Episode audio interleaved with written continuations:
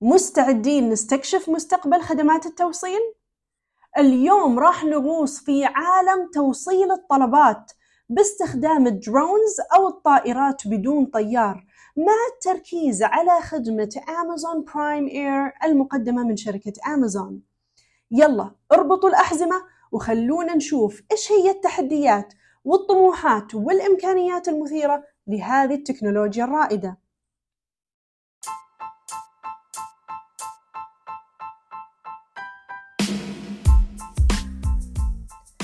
أهلا وسهلا فيكم في حلقة جديدة من بودكاست Dream Tech البودكاست اللي يعرض لكم أحدث اتجاهات التكنولوجيا. أنا مضيفتكم دكتورة ريم وفي هذه الحلقة راح نستكشف الوضع الحالي لخدمة أمازون Prime Air اللي هي خدمة توصيل الطلبات باستخدام ال drones أو الطائرات بدون طيار. راح نستكشف العقبات اللي واجهوها والتقدم اللي أحرزوه لكن الأمر هذا ما يتعلق بشركة أمازون فقط. لذلك راح نلقي نظرة على منافسين شركة أمازون واللي شكلهم سبقوا أمازون في سباق توصيل الطلبات باستخدام ال drones.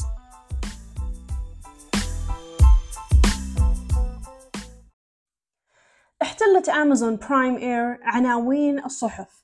لأنها تهدف إلى إحداث ثورة في صناعة توصيل الطلبات من خلال أسطولها المكون من روبوتات طائرة. لكن بالرغم من ذلك تقدم شركة أمازون قد تعرض لبعض الاضطرابات. وفقا لقناة CNBC الإخبارية طائرات أمازون أو drones حقت أمازون أكملت فقط 100 عملية تسليم في الموقعين اللي قاعدين يشتغلون فيهم. اللي هم واحد في ولاية كاليفورنيا والثاني في ولاية تكساس.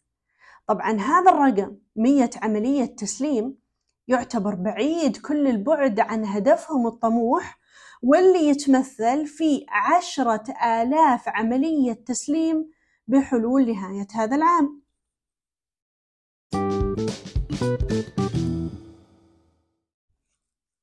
التحديات اللي تواجه خدمة توصيل الطلبات باستخدام الدرونز من أمازون تعتبر تحديات متعددة الجوانب شكلت العقبات التنظيمية والمخاوف بشأن السلامة العامة حواجز كبيرة أمام تطوير هذه الخدمة المقدمة من شركة أمازون. إدارة الطيران الفيدرالية أو ال FAA تعتبر الإدارة المسؤولة عن حماية المجال الجوي للولايات المتحدة الأمريكية. هذه الإدارة عندها لوائح صارمة مطبقة لمشغلي ال drones. غالبا ما تتضمن هذه القواعد قيود على الطيران عبر الطرق أو الطيران بالقرب من المناطق المأهولة بالسكان طبعا هذه القواعد كلها صعبت على أمازون استخدام ال drones لتوصيل الطلبات عفوا وإسقاط الطرود في ال backyards أو اللي هي حوش البيت أو الساحة الخلفية أو بلكونة الشقق.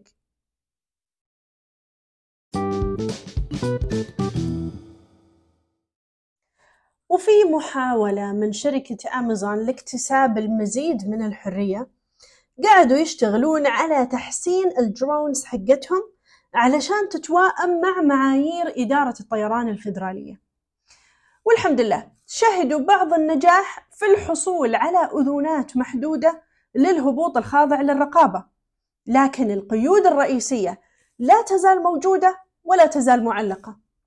وحتى اليوم لا يزال توصيل الطلبات باستخدام ال drones من أمازون مقصور على المناطق القريبة من مراكز إطلاق وتشغيل ال drones اللي هم واحد في كاليفورنيا وواحد في تكساس. مما يترك العديد من العملاء الراغبين في الاستفادة من هذه الخدمة بدون حظ.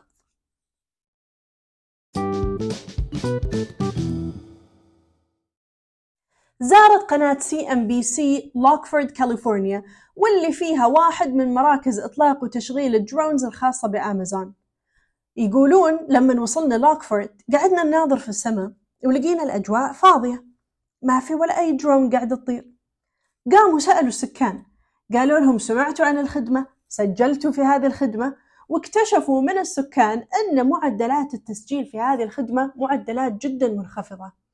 وزيادة على كذا صاحب محل مأكولات قال لهم إنه سمع من واحد من موظفين أمازون إن 14 شخص فقط اشتركوا في البرنامج.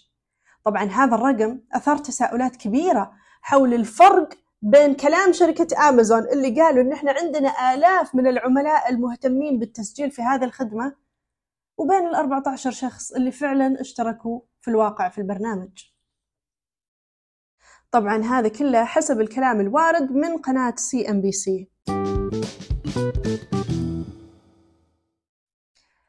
بينما تحارب أمازون هذه التحديات يخطو منافسو أمازون خطوات واسعة في مجال استخدام ال drones لتوصيل الطلبات. مثلا شركة Walmart أبرمت شراكة مع DroneUp و Flytrex و Zipline هذه كلها شركات لتشغيل ال drones.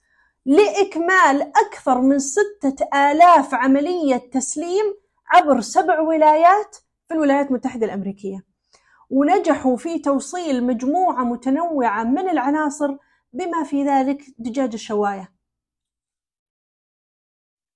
نعم سمعتوني صح. دجاج الشواية. تم توصيله باستخدام الدرونز. من الجدير بالذكر أن السلامة تجي على رأس أولويات شركة أمازون.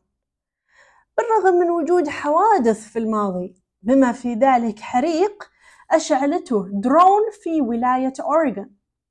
إلا أن الشركة أكدت أنه لم تحدث أي حوادث إطلاقا أثناء رحلات التوصيل باستخدام ال drones. طبعا إثبات سلامة وموثوقية ال drones حقة أمازون يعتبر أمر حاسم علشان يحصلون على قيود أكثر مرونة من إدارة الطيران الفيدرالية؟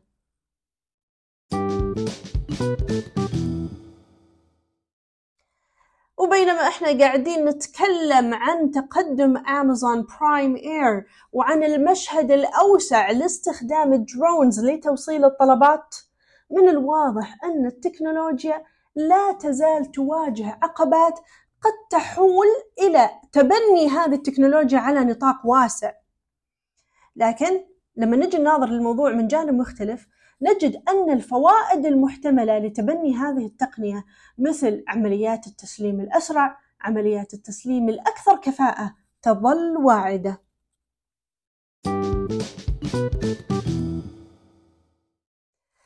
وقبل ما نختم أحب أذكركم أنكم تشتركون في مدونتنا الموجودة على موقع ميديوم وأنكم تتابعونا على وسائل التواصل الاجتماعي علشان تشاركونا أفكاركم واقتراحاتكم. وإذا لسه ما اشتركتوا في البودكاست تأكدوا أنكم تشتركون وتضغطون على زر اشتراك على منصة البودكاست المفضلة عندكم عشان ما تفوتكم أي حلقة من بودكاست دريم تك